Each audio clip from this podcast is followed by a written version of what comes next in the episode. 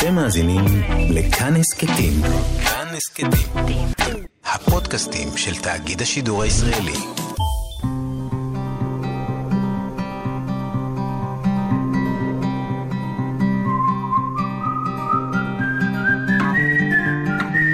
אחת פלוס חמש.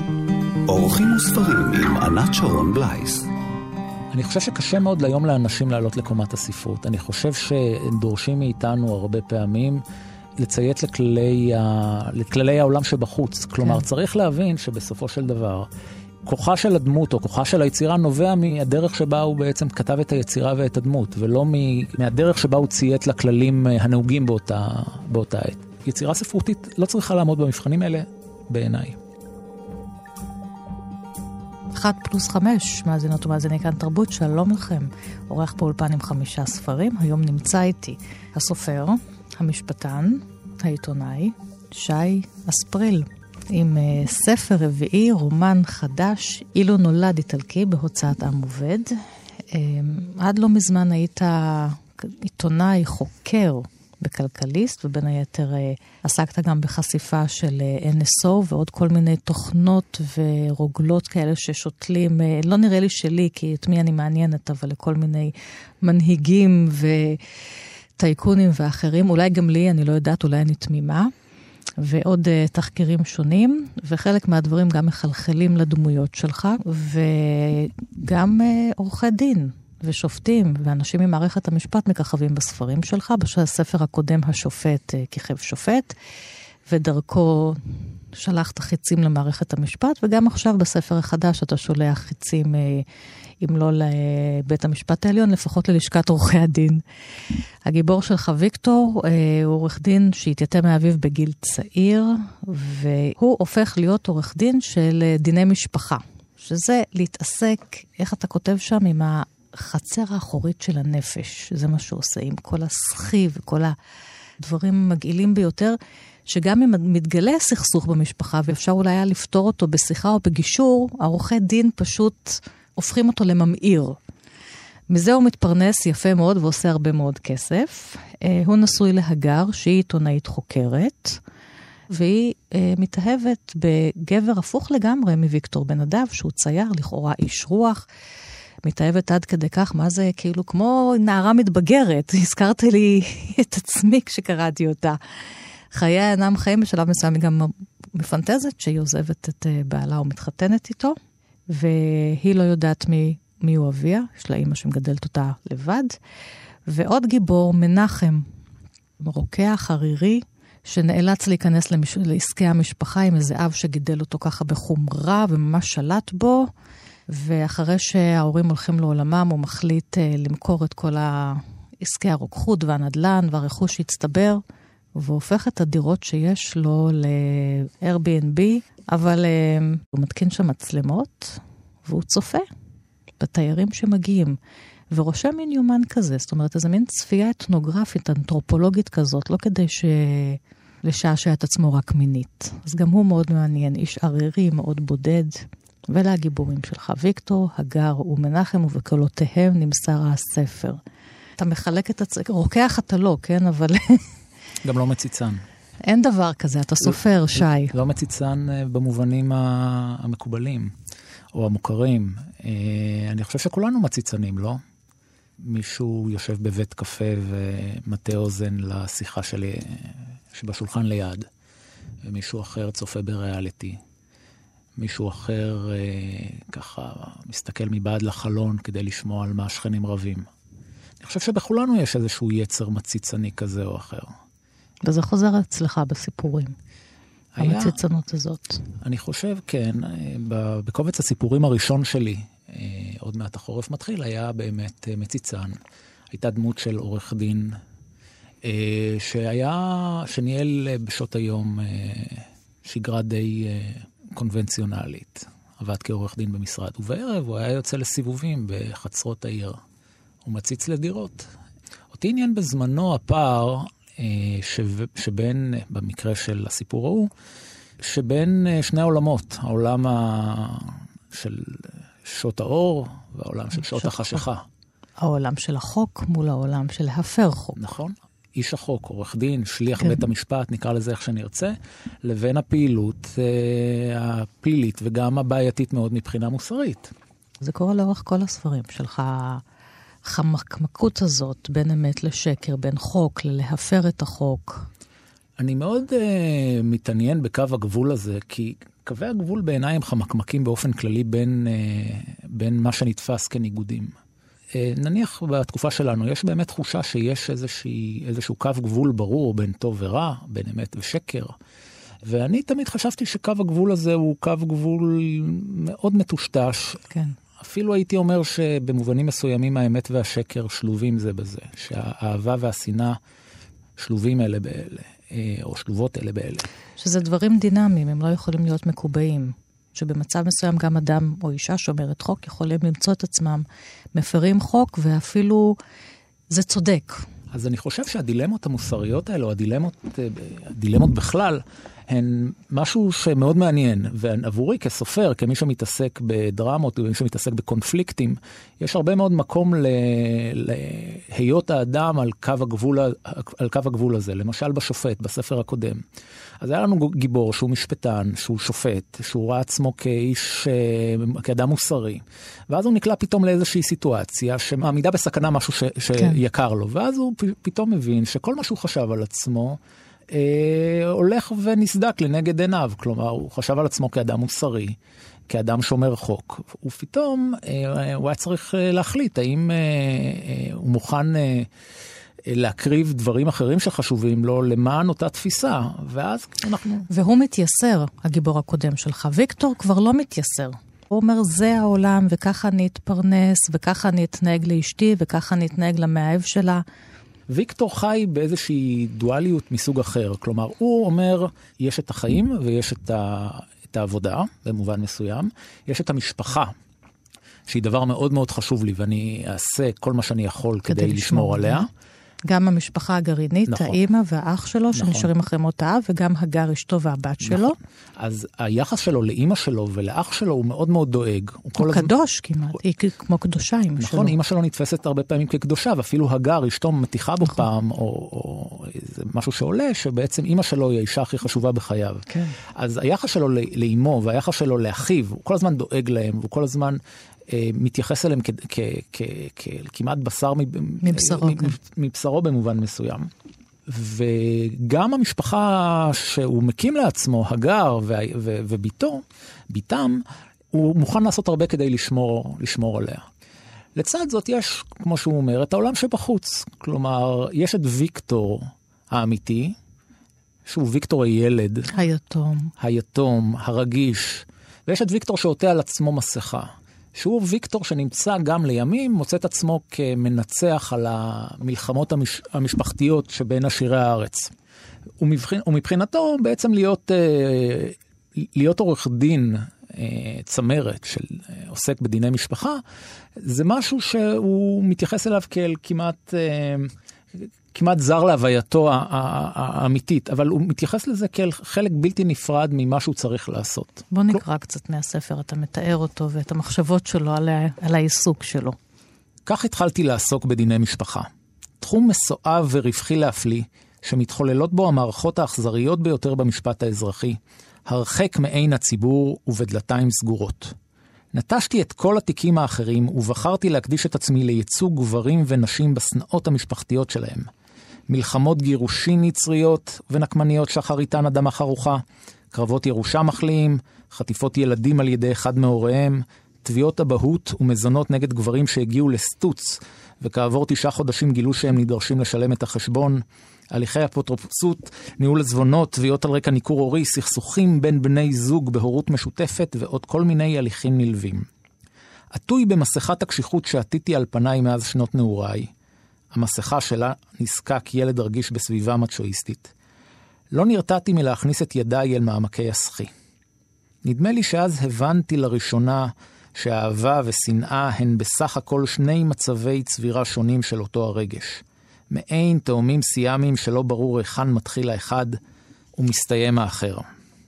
היה זמן שעוד שאלתי בו את עצמי איך ייתכן שדווקא אני, שראיתי במשפחה שלי חוף מבטחים, שאהבתי את אמי ואת אחי הצעיר אהבת נפש, ששנים ארוכות אחרי מותו של אבא לא הפסקתי לחשוב עליו בתוגה, ושאפילו את האח הנעלם של אמא לא שכחתי, איך דווקא אני מנצח עכשיו על המלחמות המשפחתיות האלה? איך דווקא אני מתפרנס מהמכרעה המצחינה הזו? ובכן, אני יכול לספק כל מיני הסברים ותיאוריות, הרי אין קל מלהצטדק. אבל נדמה לי שאפשר להסכים על כך שנסתרות הן דרכיה של הנפש האנושית. או של החצר האחורית של הנפש, כפי שהוא אומר במקום אחר. את יודעת, אני חושב ש... וגם אני ידוע בכך. אני לא בעד עולם המשפט באופן כללי, אני מעדיף אה, לפתור דברים בדרכים של חסד ולא של דין. כן, זה... אם אנחנו מסתכלים על שני הקצוות ש... זה אנחנו מרגישים מהדרך שבה אתה מטפל באנשי המשפט אה, בספרים שלך. כן, כן. וגם, וגם ויקטור, מה שאתה אומר, שהוא יכול היה הרי להיות אה, עורך דין בתחום אחר. באופן כללי, אם את זוכרת, אחד, לא המוטו, אבל אחד המשפטים שמצוטטים בספר הקודם הוא... בשופט, הרומן השופט. הקודם שלך, השופט. בגלינו של כל אדם טמון מה שיוביל אותו מעלה, אבל שם גם טמון אובדנו. במילים אחרות, לאחר שהסיפור המשפחתי שלו הוא נקודה כה רגשית וכה דרמטית בהוויה שלו, ומאחר שאני, כמו שכבר ציינתי קודם, אני חושב שקו הגבול בין אה, הפכים הרבה פעמים הוא מאוד מטושטש, כלומר יש לו משיכה אל העולם הזה, אבל אה, בעולמו המקצועי הוא מצ... הוא, המשיכה הזו מתבטאת דווקא באזורים אחרים. כלומר, הרבה פעמים אנחנו רואים אנשים שהם מאוד אה, מוצלחים בתחום מסוים, אבל הם יכולים, אה, הם עושים בו שימוש ב... בשני נתיבים שלפעמים נראים לנו מנוגדים. אני חושב שיש משהו בעולם הזה ש... שמושך אותו באופן כמעט קמאי, אה, מבלי שהוא לגמרי מבין, ו- וגם מתואר בתחילת הספר שהוא עסק בתחום אחר, אבל זה פחות, ופתאום... פתאום הוא התגלגל לשם, הוא לא תכנן. פתאום הוא התגלגל לשם וזה מצא חן בעיניו. ואז ו... קורה לו מה שקורה לקליינטים שלו, ואשתו בוגדת בו. הרי כל הסיפורים האלה של הסכסוכים המשפחתיים, זה הטולסטואיות של החיים, כן? אלה המשפחות האומללות שאחר כך מהם אתה עושה ספרות, לצורך העניין, גם אתה כסופר. כן. אני חוזרת שוב ואני אומרת, הגר הזאת, זה הזכיר לי את עצמי, ההתאהבויות האלה, אבל אתה יודע, של בנות טיפש עשרה, שמוכנות למות למען אהבה. אז את התחברת להגר. אני מאוד התחברתי להגר, והיא לא ילדונת, כן? אגב, זה לא, אה, זו לא הפעם הראשונה שזה קרה לה בספר, זה קרה לה, זה מתואר שם גם בעוד איזושהי סיטואציה. זה, זה מעניין. להגר יש סיפור משפחתי לא פשוט, כן. ולימים כשהיא חושבת על זה, היא אומרת לעצמה, אולי התחתנתי בכלל עם ויקטור, כי הוא נתן לי דברים מסוימים שאולי היו חסרים לי. אבא. למשל, אבא, יציבות. אולי אבא, יציבות, אה, אה, מישהו שאפשר לסמוך עליו, שהוא יהיה שם תמיד. כן. כי ויקטור הוא אדם שתמיד היה ברור שהמשפחה שלו זה משהו שחשוב לו, זה מישהו שאפשר לסמוך כן. עליו. ואז כשהיא מתאהבת בנדב, הצייר, אז היא אומרת לעצמה, אולי בעצם, כל מה שבעצם אה, שאפתי לו כל הזמן, שזו אהבת אמת, כאילו אהבה, אהבה כן. אה, נמנע ממני בגלל הפחד שלי מנטישה, כן. שזה בעצם משהו ש... תשמע, היא כמו איזה מין אנה קרנינה כזאת. כן. אני מוכנה חושב, לנטוש הכל, אני חושב, הכל. אני חושב, כן, אני חושב ש... ואכן, כמו שציינת קודם, היא באמת... אה, היא באמת מפנטזת על כך שבאמת אה, שניהם אה, יתחילו... חיים, פרק ב', חיים חדשים, ולא כן, לא כן. נגלה לכם. ולא נגלה איך זה מתגלגל. ולא נגלה איך מתגלגל. ומנחם, מנחם, שגם עליו לא נגלה הרבה, שגם הוא ילד של אותו רוקח, ואחר כך מתבררים לו דברים אחרים. הוא האיש הבודד, הוא כל כך בודד. מציצן, המצוטט. מנחם הוא המציצן, אנחנו... שלא מ... מצליח להקים לעצמו משפחה. כן, ואנחנו מגלים קצת את... אה, אה, אנחנו למדים על חייו, על אה, חייו מאז ילדותו. אנחנו מגלים איך הפך למציצן. ואני חושב שלמרות שלכאורה מדובר במישהו שעוסק בפעילות הציבור... לא חוקית, בזויה. אני חושב שאבל לעניין, לעניין החוקיות, יש, יש uh, מעשים uh, פליליים שאנחנו מקבלים ביותר סלחנות, ביותר הבנה. מציצנות, אני חושב שזה איזושהי עבירה ש, שכאילו קשה לנו בעצם לשאת אותה. אני חושב שיש בה משהו מאוד... כאילו, יש בה משהו שנתפס כסליזי, כמשהו שלא עושים. למרות שאם כבר מדברים על מציצנות ועל פרטיות, הרי כולנו יודעים שאנחנו חיים בעידן ללא פרטיות. ולא רק זה, שאנחנו תורמים. אנחנו תורמים. לזה שאנחנו אומרים לאנשים, בואו, בואו, תציצו לנו. נכון, אבל... תפרו את הפרטיות שלנו. נכון, אבל זה בדיוק העניין, ובספר באמת, כאילו, יש דיון מסוים בזה. כלומר, אם זה, אם זה אדם בודד, אז mm-hmm. זה נתפס בצורה כן, מסוימת. כן. ואם זה מערכת כמו גוגל, או פייסבוק, אז זה בסדר. נכון. כי בני רק זה, אדם, כן. בני אדם נוטים להיזהר מן הבודדים. זה פעם כתב לדעתי כן. ז'ור סימנו באחד הספרים שלו. אה, אנשים בודדים מפחידים אותנו. ומנחם הוא דמות, אה, כשקוראים אותה, יש תחושה... אה, יש תחושה של רתיעה מסוימת שמתחלפת בהמשך בחמלה, כי בסופו של דבר אנחנו למדים מי האיש ואיך חייו התגלגלו. וקשה שלא לחוש חמלה כלפיו, לדעתי, בכל אופן. ככל שהספר מתקדם, אה, מתקרב ללב יותר, אה, יותר ויותר הדמות הזאת. אני חושב ש... אה, ודרך הבדידות הזאת שלה גם. אכן, ואני חושב שבאמת הבדידות, אני, אני, אני כן כותב הרבה על בדידות, וזה משהו שבאמת בכל ארבעת הספרים שלי אני, אני, אני, אני, אני כותב עליו לא מעט. ואגב, הבדידות, אני חושב שכל הדמויות בודדות בדרכן, כלומר, ויקטור והגר נשואים כן. זה לזו, אבל שניהם בודדים, בודדים. בחיי הנישואים שלהם. אני רציתי, כשכתבתי את שלוש הדמויות האלה, רציתי גם לתת פנים לסוגים שונים של בדידות, גם בדידות כמו של מנחם, שהיא יותר אה, ברורה והיא יותר אה, אה, מיידית, כלומר אפשר לחוש בה מיד, ובין בדידות אה, שנמצאת מתחת לפני השטח. אנשים רואים זוג נשוי וחושבים שהם לא בודדים, שהם ביחד. אבל מה קורה שם? והרבה פעמים הבדידות בחיי נישואים היא קשה יותר מאשר אה, בנפרד. אה, אז אני אגיד לך, זה הצד השני. אמרתי מצד אחד, אני ככה דבקתי בהגר, מהצד השני, כאישה נשואה, גם הספר שלך הילך עליי אימים, איך שאתה מתאר חיי נישואים, ובכלל, כאלה שמתפרקים. אז אה, גם היה, שוב, זה דברים שאני אוהבת בספרות, גם היה קושי לקרוא. כן, אני חושב, ש... אני חושב שיש אה, באמת אה, אה, אזורים בספר שמציגים לראווה את הצדדים הפחות נעימים של אה, מערכות יחסים באופן אתה כללי. מאמין באהבה, בברית, ויותר מזה, באיזה ברית בין בני זוג, כן, כן? כן, אני מאמין, אבל אני חושב שזה אה, נדיר ממה שנוטים לחשוב. אני מאמין, ב... אה, אני מאמין באהבה, אני חושב אבל שמערכות יחסים באמת יותר מושתתות על אה, באמת ברית אה, בין שני אנשים שיכולים לסמוך זה על זו, ולהפך. אני חושב... כן, כי גם אהבה זה משהו דינמי. נכון. שגדל וקטן, נכון. ובכל מיני סיטואציות יש יותר ויש פחות, נכון. זה לא משהו סטטי. נכון. אה, אבל אני חושב שזה יותר נדיר ממה שחושבים. עכשיו, ישראל היא חברה מאוד משפחתית. אנחנו רואים גם שיש פה, אפשר נגיד להשוות את זה למדינות נניח בצפון אירופה. יש פה הרבה יותר אה, נישואים בגיל, בגילאים צעירים יותר. יותר אה, ו- ילדים. יותר ילדים, וגם מתגרשים הרבה באופן יחסי בשנים האחרונות, כי מה שקורה זה שהייתי אומר אפילו, אני, אני הבחנתי בזה שהרבה פעמים היות אדם אה, נשוי למשל, זה הופך להיות מעין סמל סטטוס, כלומר אני זוכר שנניח... כאילו אתה נורמלי, אתה לא כן, הבודד המאיים לא רק הזה. זה, גם הרבה פעמים אני זוכר שנניח אה, בקרב זוגות חברים, אלה שהולידו ילדים ראשונים, זה כאילו היה, כלומר, להם יש כבר שני ילדים, זה כאילו כמו, לא יודע, אני עובד בכ- בכך וכך, כלומר, כן, הם הנורמלים, הם היציבים, הם הבסדר. והרבה פעמים כדי להיות בסדר, אנשים מוכנים לעשות הרבה כן. דברים שלא תמיד מתאימים להם.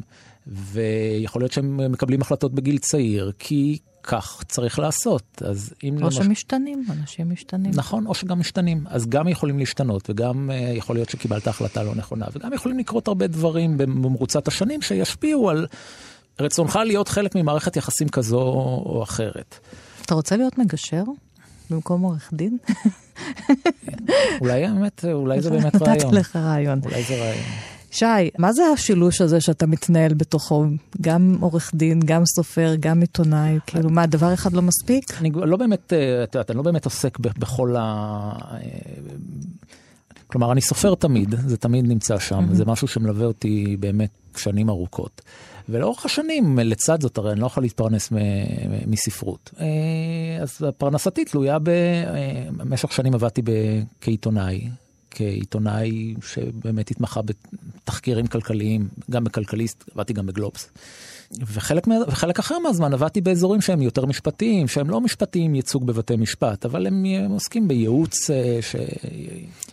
אם, אם היו שואלים אותי מה התכונה הנדרשת לתחקירן, אגב, גם לסופר, אבל אולי ב, במקום אחר בדירוג, אבל אני חושב שתחקירן כן צריך להיות מסוגל להסתכל על סיטואציה מבחוץ ולנסות אה, כאילו לראות אה, מה פה נראה לא בסדר, או מוזר, או משונה. אה, אבל כן, מלבד NSO, כתבתי באמת תחקירים שעסקו בממשק בין טכנולוגיה, עסקים, חברה, כתבתי על אה, אימפריית הפורנו של מולי ליטבק בזמנו. אה, כתבתי על תחקירים שעוסקים בדרך, שבה, בדרך שבה חברות הייטק ישראליות מכרו כל מיני תוכנות ריגול לכל מיני דיקטטורות מעבר לים. כתבתי תחקירים כלכליים שעסקו בדמויות כאלה ואחרות שנותרות בצל בדרך כלל. והם מתגלגלים לדמויות שלך, לספרים. דברים. אני חושב שבאופן טבעי, אה, את יודעת, כל מה שאני עוסק כן. בו, כל מה שאני רואה, מוצא את דרכו לכתיבה הספרותית שלי. אבל גם סופר צריך להיות מרגל. כן, אז אני חושב שבמובנים מסוימים, אז אני... למען האומנות זה בסדר. אה, אני חושב ש... אני חושב ש... אני חושב שלמען האומנות מותר לעשות... אה, כן, להפר את החוק. לא, לא, לא, לא, לא. אה, לעשות דברים שבאמת, לעשות דברים באמת שקשה לנו לקבל אותם בעולם האמת. כלומר, אגב, אפרופו, אפרופו ספרות, באמת מותר לך לומר דברים, למשל, שאתה לא יכול לומר כעיתונאי, כן. בתחום נניח הפוליטיקלי קורקט, או בתחום הנימוס הבסיסי. כשאתה אומן יש לך חירות לעשות דברים אה, רחבים יותר, כן, רבים יותר. בשביל זה הספרות. כן.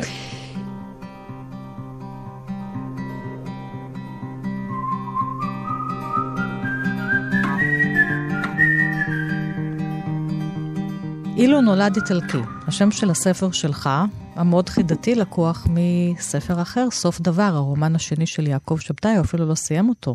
הוא נפטר לפני שהוא נתן לו צורה סופית. מה טוב היה אילו נולד איטלקי, צרפתי ואולי שוודי, החי בשלווה לחופי הפיורדים הכחולים. כך חושב על עצמו מאיר, שמסתובב לו גם בתל אביב וגם באירופה. הוא נשוי, אבל יש לו גם רומן עם הרופאה שלו, והוא מרגיש מתחילת הספר שהנה המוות, המוות אורב לו. קם בבוקר והמוות אורב לו. אז תספר קצת על השם של הספר, ואחר כך ממנו נתחיל כבר okay. אה, אוקיי. לגלוש אל החמישייה שלך, כי סוף דבר נמצא בחמשת הספרים. הציטוט מופיע ב...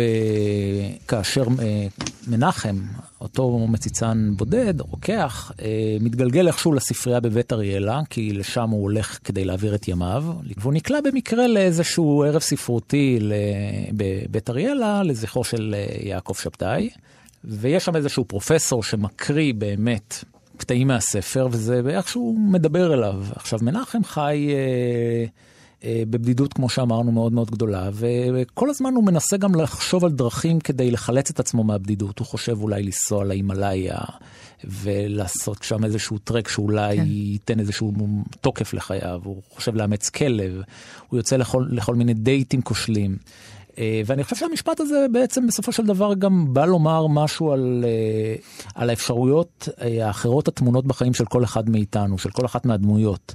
כלומר, האם יכול באמת היה להיות אחרת? וגם אני חושב שזה נותן איזשהו מבט על של יציאה לרגע מה, מהסיפור הקטן הזה של הגר, ויקטור ומנחם, אל בעצם...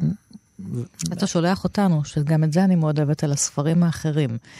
בגיל 42, קצת אחרי סוכות, תקף את מאיר פחד המוות, וזאת אחרי שהכיר בכך שהמוות הוא חלק ממשי מחייו, שכבר עברו את שיאם והם מתנהלים עכשיו במדרון.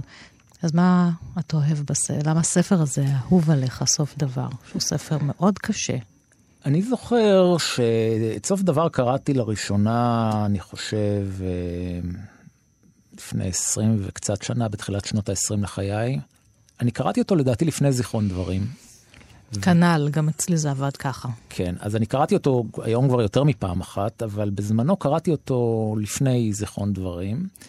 ועד היום אני אומר שהוא מבין השניים הוא אהוב עליי יותר.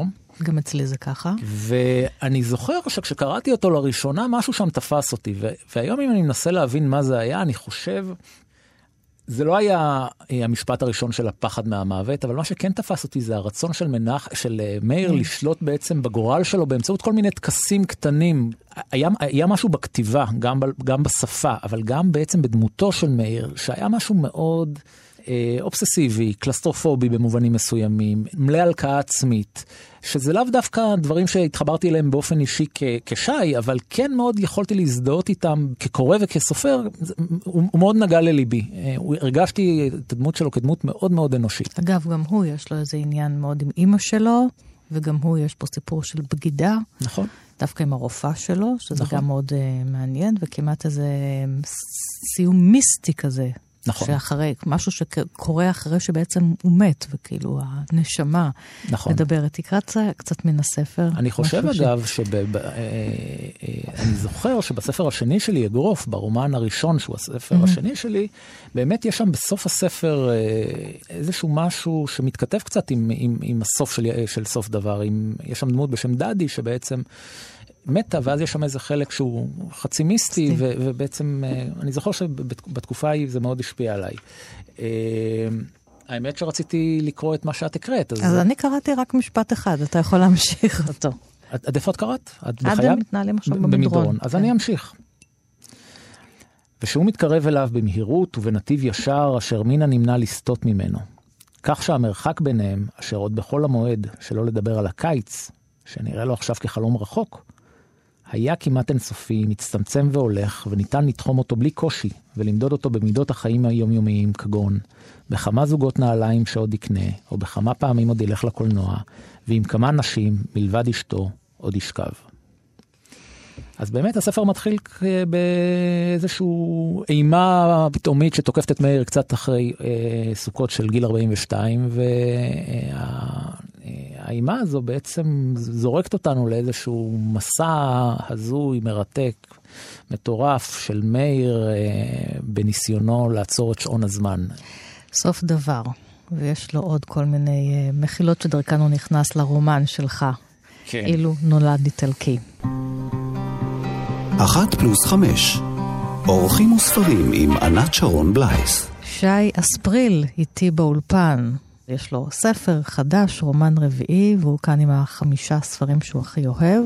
ועכשיו אנחנו עם uh, ספר ששמו המנהרה, מאת uh, ארנסטו סבטו, אחד מהסופרים החשובים של ארגנטינה, והוא ראה אור בסדרת פרוזה אחרת uh, שערכה אילן המרמן בעם עובד. אם אנחנו מדברים על קו הגבול בין מה שחוקי למה שלא, מה שטוב למה שרע, אז פה הספר מתחיל ברצח שמיד הגיבור שלו, אנחנו יודעים שהוא רצח. צייר שרוצח את uh, אהובתו, ואז מתחיל להתוודות על זה, ואנחנו הולכים שבי, מתאהבים בצייר הרוצח. כן. את הנובלה הזו, שאגב תרגמה טל ניצן, כתב סבתו ב-48, אם אני לא טועה. אה, סבתו רק נגיד, כי הוא, אני חושב שהוא פחות מוכר לקורא הישראלי, הוא בכלל היה פיזיקאי, שבשלב מסוים החליט אה, שהמדע, אין, אין ביכולתו לענות על שאלות הקיום, והתמסר לספרות. בהמשך גם לציור, אבל בעיקר לספרות. אה, הוא גם היה מעורב חברתית בארגנטינה, כלומר, בסוף שנות ה-70 שלטה בארגנטינה החונטה הצבאית. Mm-hmm. בראשות וידלה, אה, חורכה וידלה, והוא גם היה זה שחיבר דוח בסופו, בסוף החונטה על בעצם מעללי, ה, מעללי החונטה בתקופה האפלה ההיא. המנהרה בעצם כתוב כמונולוג קדחתני מפיו של חואן פבלו קסטל, הגיבור, צייר, שמרגיש בדידות מאוד מאוד uh, חריפה. כלומר, הוא מרגיש שאיש לא יכול להבין אותו uh, בעולם. חי באיזושהי תחושת, אה, אה, יש יאמרו אה, תחושת אבסורד, הקיום שלו הוא אבסורדי, ואגב, לא מפתיע שנגיד אלבר קאמי מאוד מאוד אהב את הספר. ויום אחד הוא מגלה, חואן פבלו קסטל, בתערוכה שהוא מציג, אישה מסוימת מסתכלת בציור, באחד הציורים שלו כמו שרק הוא יכול היה להסתכל. ואז הוא אומר, זו הבחורה שמבינה אותי. הנה, יש נפש אחת בעולם שמבינה אותי. הספר נפתח בכך שהוא רוצח, שהוא מתוודה על כך כן, שהוא רוצח אותה. אותה כן. ואז בעצם אנחנו עוברים אחורה לסיפור היכרותם, ואז בעצם אל כל החוויה הנפשית שהוא עובר מהרגע שהוא הכיר אותה ועד הרגע שהוא רוצח אותה. ספר מאוד מאוד מושך, מאוד מאוד קריא. אה, ספר שעוסק הרבה בקו הגבול החמקמק שדיברנו בין, בין הפכים ובין איגודים. כן, הם יגידו לך היום מי יוצא ספר כזה על רצח נשים. למשל, אבל... למשל, אה, ואז לא... אנחנו אומרים, אבל תעלו לקומת הספרות. אני חושב שקשה מאוד היום לאנשים לעלות לקומת הספרות. אני חושב שדורשים מאיתנו הרבה פעמים לציית לכללי, ה... PC. לכללי העולם שבחוץ. כלומר, כן. צריך להבין שבסופו של דבר, אם סבתו כותב דמות של צייר שבסוף רוצח אישה, אז כוחה של הדמות או כוחה של היצירה נובע מ- מ- מהדרך שבה הוא בעצם כתב את, ה- כתב את היצירה ואת הדמות, ולא מ- מהדרך שבה הוא ציית לכללים אה, הנהוגים באותה, באותה עת. גם צריך לזכור שכללים משתנ... כללים חברתיים משתנים ותלויים מאוד ברוח הזמן. ושוב, אם הזכרתי את טולסטרוי קודם, יש לו את סונטת קרויצר. נכון. גם שם זה וידוי של נכון. רוצח, ויש עוד נכון. בלי סוף ספרים. ואגב, אנחנו רואים גם היום בעידן הזה שבאמת יש גם קריאה מצד גורמים מסוימים אה, להחרים יצירות מסוימות, נכון. היסטוריות, כי הם לא מתאימים, ב- כי היצירות האלה לא מתאימות בעצם לרוח התקופה, או לפחות רוח התקופה כפי שכללי, כללי, אפשר לקרוא לזה פוליטיקלי קורקט, כללי הנימוס, כללי ה... אפשר, אפשר לתת לזה מגוון שמות, וגם יכול להיות שגם לחוק, אבל יצירה ספרותית לא צריכה לעמוד במבחנים האלה בעיניי. צריכה לציית לעצמה, לספרות. אז ככה- מה אתה קורא. מסבתו? אז אני אקרא קטע קצר מסבתו מתחילת הפרק השני. כפי שאמרתי, שמי חואן פבלו קסטל. אולי אתם תוהים מה מניע אותי להעלות על הכתב את פרשת הפשע שלי, ובעיקר לחפש מוציא לאור.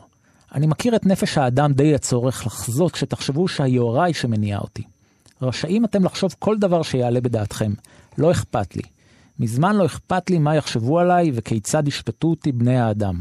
שערו לכם אפוא שאני מפרסם את הסיפור הזה מתוך יוהרה. אחרי ככלות הכל, אני בשר ודם בדיוק כמו כל אחד. ומאוד לא הוגן היה הדבר בעיניי, אילו דרשתם ממני, דווקא ממני, להתעלות על השער. משהו מהצייר שלו הגיע לצייר שלך, לנדב?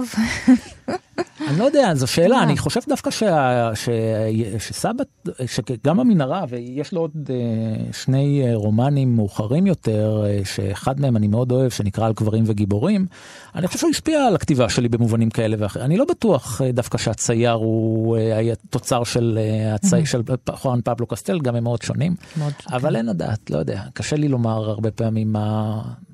מה, אנחנו לא יודעים, יפרע. כן. לא, כן, זה, אה, מקורות ההשראה הם דבר מאוד חמקמק.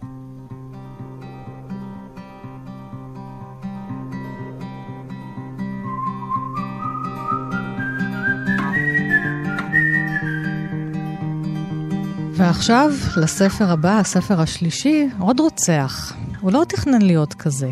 מיכאל קולהס של הנריך פון קלייסט, זה ספר אה, קדום יותר משנת 1810, והוא מבוסס על דמות אמיתית מהמאה ה-16. כן. ובאים ומחרימים לו, השלטון הצרפתי ששולט אז בגרמניה, מחרים לו את הסוסים. והוא מבקש עזרה מאנשי החוק, וכשהוא כן. לא מקבל, אז הוא הופך להיות שודד ורוצח. כן, כי אם זו- החוק מתנהג בצורה לא חוקית, אז אני האזרח הפשוט אעשה את אותו דבר. כן. זו נובלה אגב שאני מלמד, אני מלמד בפקולטה למשפטים קורס שעוסק בממשק שבין כתיבה, ספרות ומשפט. וזה אחד הספרים, זו אחת היצירות שאני מלמד, כי אה, היצירה הזו עוסקת באופן אה, מובהק אה, בשאיפה לצדק, ומה קורה כאשר בני אדם שואפים באופן קיצוני לצדק. אני אומר תמיד שאנשים שדוגלים בצדק עיוור הם אנשים שתמיד מפחידים אותי, כי בסופו של דבר, כשאתה דורש צדק, הרי בסופו של דבר צדק זה מונח מאוד מאוד חמקמק, ואנחנו יכולים לדון שעות על מה זה בכלל צדק. אבל כשהרבה פעמים אתה אומר, אני אלך עם הצדק עד הסוף, אז אתה יכול אה, לעשות הרבה מאוד דברים שגם יפגעו בך, גם יפגעו בסובבים אותך. אז אני חושב שמיכאל קולהס הוא דמות מרתקת במובן הזה, כי הוא התחיל כאדם אה, אה, נורמטיבי, ישר כפיים, שקרה לו מה שקרה, מה שתיארת, שהחרימו לו את הסוסים, ואז הוא דרש, אה, והחזירו לו, אותו, החזירו לו אותם במצב ירוד, ואז הוא דרש שיפצו אותו, ואז מתחילה איזושהי מסכת. משפטית, אה, אה, בירוקרטית, אה, קפקאית במובן מסוים, שאז עדיין כמובן לא, לא היה לזה שם קפקאי, אבל... ו, ואז אנחנו בעצם מגלים איך, איך, איך ההליך הזה מזין בעצם את, ה, את הכעס והזעם שהופך אותו בסופו של דבר מאדם נורמטיבי לפורע חוק. אני אקריא את תחילת הספר. באמצע המאה ה-16 חי על גדות האפל סוחר סוסים בשם מיכאל קולהס, בנו של מורה, אחד האנשים ישרי הדרך ביותר וגם הנוראים ביותר בדורותיו. עד שנתו ה-30 יכול היה האיש הבלתי רגיל הזה להיחשב אזרח למופת. בכפר הנושא עדיין את שמו הייתה בבעלותו חווה, והוא התפרנס בה היטב ממשלח ידו.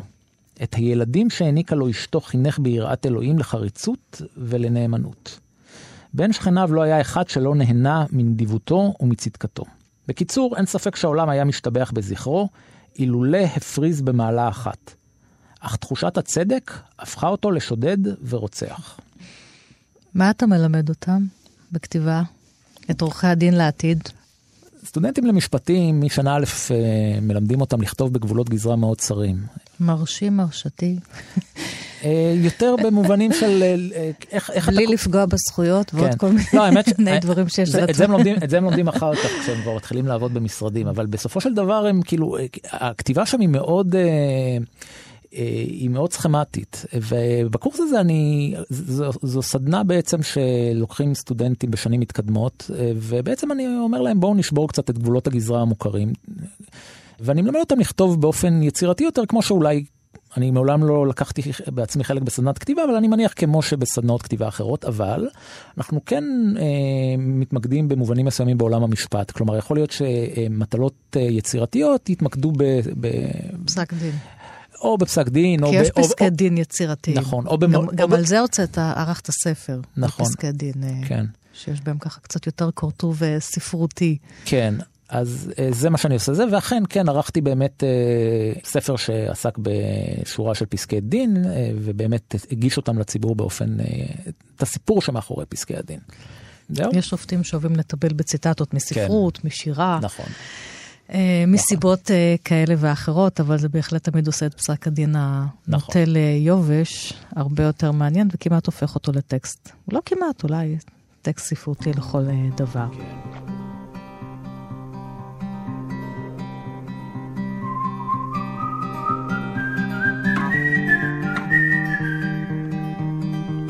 והספר הבא, הספר הרביעי, מחר בקרב חשוב עליי, של חווייר מריאס, הסופר הספרדי, ממש לפני כמה חודשים נפטר. ופה גם יש רומן מחוץ לנישואים. בעלה של האישה נוסע, המאהב מגיע הביתה, הם נכנסים למיטה. לא מספיקים להגיד ג'ק רובינזון, כמו שאומרים, והיא מתה. כן, בזרועות. עכשיו כן. יש לו גופה במיטה. כן. הוא צריך לחמוק מן הבית, ולא, ושאף אחד לא יחשוד שהוא רצח אותה. כן. ולא ברור גם איך היא מתה. טוב, קודם כל, זה, זה ספר יוצא מן הכלל. אה, בעיניי יצירת מופת. עכשיו, שני הדברים שהופכים אותו ליצירת מופת. א', אני חושב שהרעיון הבסיסי הוא רעיון גאוני. כלומר, כמו שאמרת, בחור רווק, סופר צללים, שמו אגב ויקטור.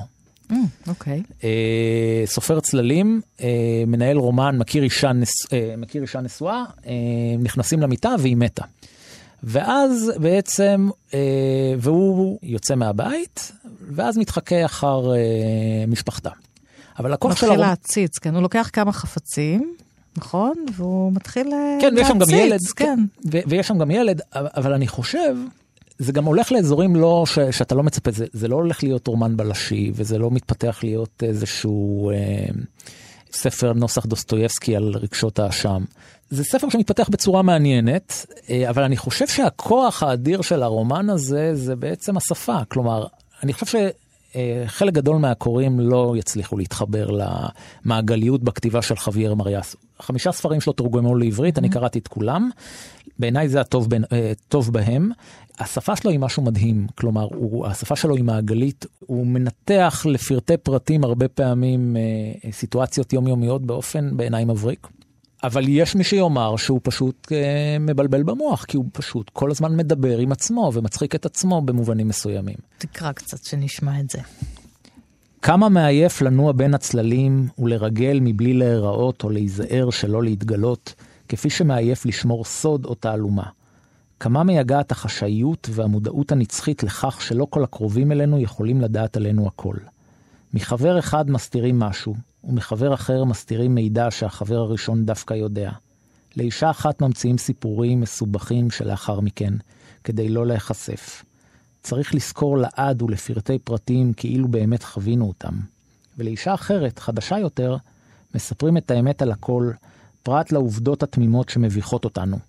שאנחנו יכולים לשבת שעות ולצפות במשחקי כדורגל ובשעשועונים ירודים בטלוויזיה, שאנחנו קוראים חוברות קומיקס גם עכשיו כשאנחנו מבוגרים, ובשמחה היינו נשכבים על הרצפה לשחק אצופלי, אם רק היה לנו עם מי לשחק. יאללה, בוא. נרד לרצפה, נשחק אצופלי. כן, אצופלי. אני חושב שהכתיבה של מריאס, את יודעת, אה, בספרים שונים, אה, עלילות שונות, וטובות יותר או טובות פחות, מרתקות יותר או מרתקות פחות, אבל אני חושב שהחוויה הראשונה של לקרוא ספר שלו, בין אם אה, זה מחר בקרב חשוב עליי, בין אם לב לבן כל כך, שזה בעצם... שזה הספר המצליח שזה הספר המצליח שלו. יותר, שזה ציטטה ממקבט. אגב, הוא היה מתרגם של שייקספיר. עכשיו, אני אוהב את שייקספיר, אז הציטוט... גם זה לקוח משייקספיר, השם, מחר נכון, בקרב נכון, חשוב נכון, עליי. נכון, נכון, ריצ'רד השלישי, נכון. בעיניי הציטוטים האלה הם רק מעלים ולא מורידים. אז הנה עוד מישהו שכמוך מצטט אה, סופר אחר כשם לספר שלו, כמו שאתה עשית עם נכון. יעקב אה, שבתאי. ההבדל הוא לדעתי שפשוט הוא... אה, הוא לא מציין בתוך הספר את הציטוט, mm-hmm. כלומר, הוא, הוא כן מצטט, אבל הוא לא נותן מראה מקום, אחר שזה שייקספיר אז גם אפשר, ואז בעצם, אה, זה היה לפני תקופת האינטרנט, אז הוא גם השתעשע בכך שהמבקרים לא הצליחו להבין... מה השם של מאיפה, מאיפה לקוח מחר, מאיפה לקוח המשפט הזה, כי זה משפט די זניח, זה לא משפט מהמפורסמים. בעוד שנניח לב לבן כל כך, הוא משפט יותר מפורסם שאומרת ליידי מקבט לבעלה. וזה חשוב? מה? אני שואלת אותך כקורא וככותב, לא, שידעו... זה לא, זה לא לא. לפעמים כל מיני משפטים שלוקחים מספר אחר, או שמות, זה לא, לא נראה ב... לך חשוב? לא, בעיניי זה לא חשוב, אני חושב שזה חשוב... אה... כי אתה עושה מעבר לזה, אתה ממש מצטט מתוך סוף דבר בתוך הספר שלך. אני חושב שזה חשוב למחבר, ואם זה חשוב למחבר, אז... אז אה... זה לא חשוב לי כקוראת להבין את הספר טוב יותר? אני לא בטוח, ש... אני לא בטוח שזה אה, נדרש. כלומר, הרבה פעמים גם בסופו של דבר ספר זה מפגש בין קורא לבין... אה... לבין הטקסט. והרבה פעמים אה, קוראים מפרשים את הספרים שלי באופן קצת אחר ממה שאני התכוונתי אליהם, או בכלל יכול להיות שלא הייתי מודע. בסופו של דבר אני חושב שיש אה, בטקסטים שכותבים אה, סופרים חלקים אה, או, או ציטטות או משפטים שהם לא באמת הכרחיים להבנת, אה, להבנת הסיפור.